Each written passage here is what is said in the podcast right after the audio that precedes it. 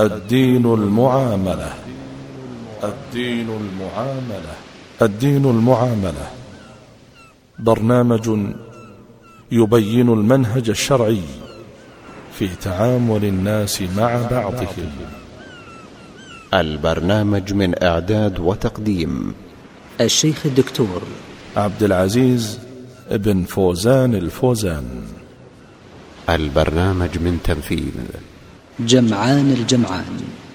بسم الله الرحمن الرحيم. الحمد لله رب العالمين والصلاة والسلام على عبده ورسوله نبينا محمد وعلى آله وصحبه أجمعين. أحبة الكرام سلام الله عليكم ورحمته وبركاته. كان حديثنا في الحلقة الماضية عن حق من أهم حقوق الأولاد على والديهم وهو العدل بين الأولاد. وقد بينت هذه المسألة بالتفصيل مع أدلتها وختمت ببيان مسألة مهمة وهي أن الأمة كالأب في وجوب العدل بين الأولاد. وثمة مسألتان مهمتان في هذا الباب وهما كيفية العدل بين الأولاد في العطية والثانية الفرق بين العطية وبين النفقة. إن التسوية بين الأولاد في العطية تكون بقدر إرثهم للذكر مثل حظ الأنثيين اقتداء بقسمة الله تعالى وقياسا لحال الحياة على حال الموت فإن الله تعالى قد فاضل بينهما في الميراث وهو تعالى أعلم بمصالح عباده. قال ابن قدامة رحمه الله يحققه أن العطية استعجال لما يكون بعد الموت فينبغي أن تكون على حسبه كما أن معجل الزكاة قبل وجوبها يؤديها على صفة أدائها بعد وجوبها. وكذلك الكفارات المعجلة ولأن الذكر أحوج من الأنثى من قبل أنهما إذا تزوجا جميعا فالصداق والنفقة ونفقة الأولاد على الذكر والأنثى لها ذلك فكان الذكر أولى بالتفضيل لزيادة زيادة حاجته. وقد قسم الله تعالى الميراث ففضل الذكر مقرونا بهذا المعنى فتعلل به ويتعدى ذلك إلى العطية في الحياة. انتهى كلامه رحمه الله.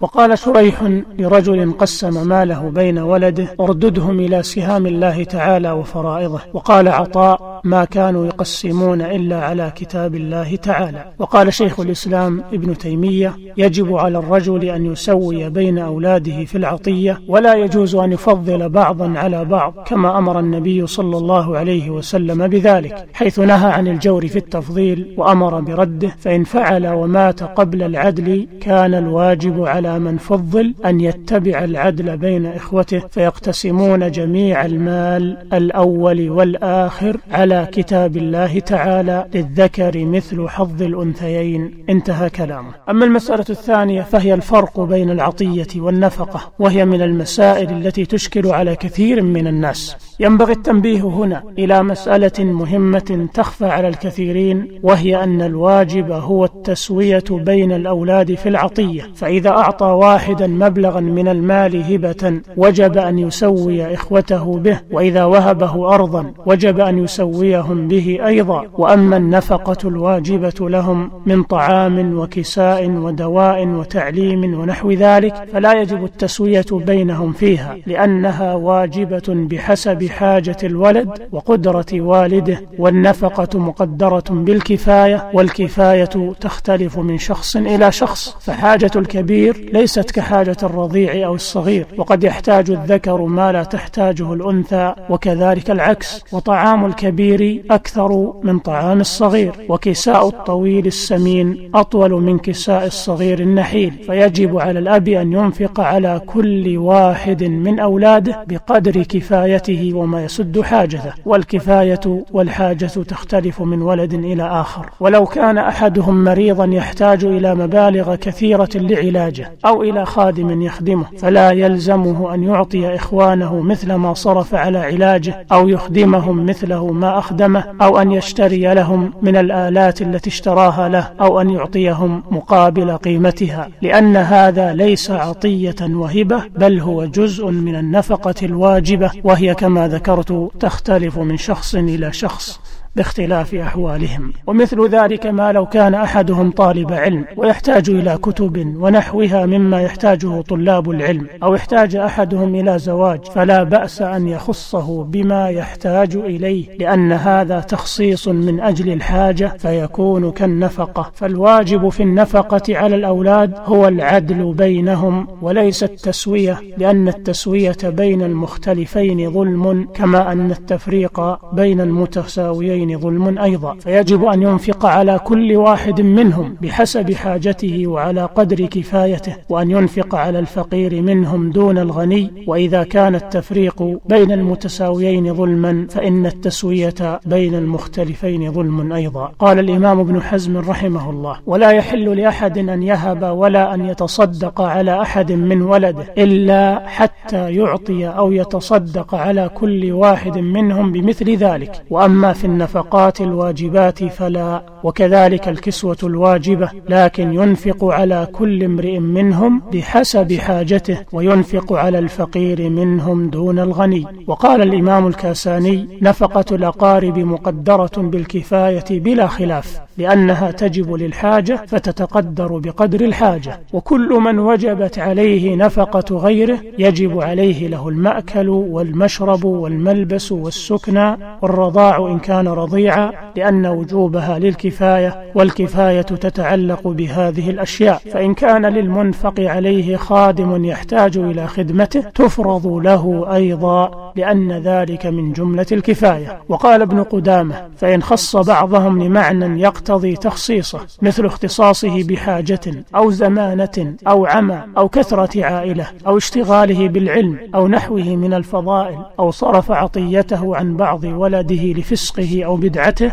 أو لكونه يستعين بما يأخذه على معصية الله أو ينفقه فيها فقد روي عن أحمد ما يدل على جواز ذلك لقوله في تخصيص بعضهم بالوقف لا بأس به إذا كان لحاجة وأكرهه إذا كان على سبيل الأثرة انتهى كلام ابن قدامة رحمه الله. وقال ابن تيمية ثم هنا نوعان نوع يحتاجون إليه من النفقة في الصحة والمرض ونحو ذلك. فتعديله بينهم فيه أن يعطي كل واحد ما يحتاج إليه ولا فرق بين محتاج قليل أو كثير. ونوع يشتركون في حاجتهم إليه من عطية أو نفقة أو تزويج فهذا لا ريب في تحريم التفاضل فيه. انتهى كلامه رحمه الله وقوله أو تزويج مراده إذا كانوا كلهم أو بعضهم بحاجة إلى الزواج أما إذا كان المحتاج إلى الزواج واحدا منهم دون الباقين فله أن يزوجه لدفع حاجته ثم من احتاج من أولاده بعد ذلك زوجه وهكذا. وكذلك لا يلزمه إذا زوج أحدهم أن يرصد مبلغا مثله للآخرين الصغار الذين لم يحتاجوا للزواج بعد ولا يشرع له أن يوصي بذلك بعد موته لأحد منهم لأن هذا من النفقة والنفقة بحسب الحاجة كما ذكرت. ومن حقوق الأولاد أيضا حقهم في التعليم. فإن الإسلام حث على طلب العلم بل جعل طلب العلم فريضة على كل مسلم كما في الحديث الصحيح المشهور. وقول النبي صلى الله عليه وسلم طلب العلم فريضة على كل مسلم يشمل الذكر والأنثى لأن هذه اللفظة جنس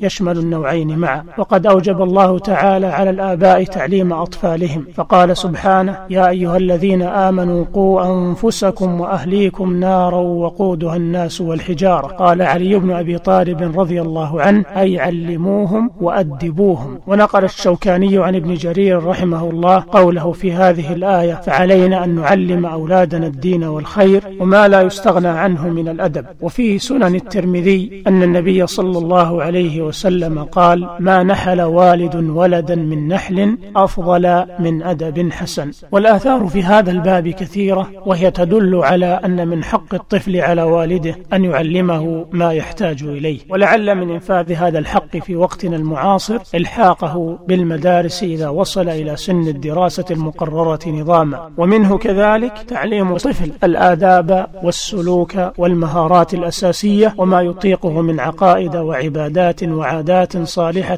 تتناسب مستوى نضجه العقلي والنفسي والاجتماعي. وقد قال ابن القيم رحمه الله يجب تأديب الأولاد وتعليمهم والعدل بينهم حيث إن من أهمل تعليم ولده ما ينفعه وتركه سدى فقد أساء إليه غاية الإساءة. وأكثر الأولاد إنما جاء فسادهم من قبل الآباء وإهمالهم لهم وترك تعليمهم فرائض الدين وسننه فأضاعوهم صغارا فلم ينتفعوا بأنفسهم ولم ينفعوا آباءهم كبارا. وكم من والد حرم ولده خير الدنيا والآخرة وعرضه لهلاك الدنيا والآخرة. وكل هذا عواقب تفريط الآباء في حقوق الله وإضاعتهم لها وإعراضهم عما أوجب الله عليهم من العلم النافع والعمل الصالح. انتهى كلامه. ولقد اهتمت معظم الصكوك الدولية ووثائق حقوق الإنسان بحق الطفل في نيل حد أدنى من التعليم.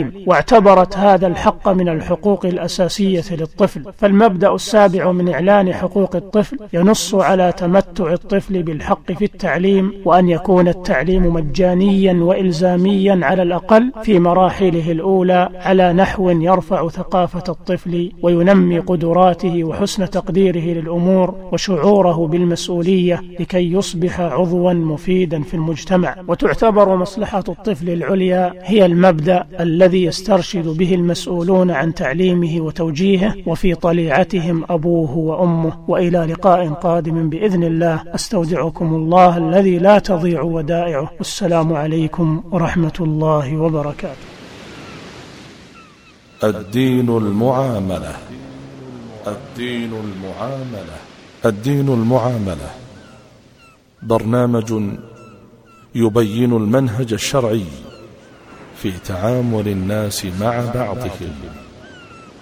البرنامج من إعداد وتقديم الشيخ الدكتور عبد العزيز ابن فوزان الفوزان.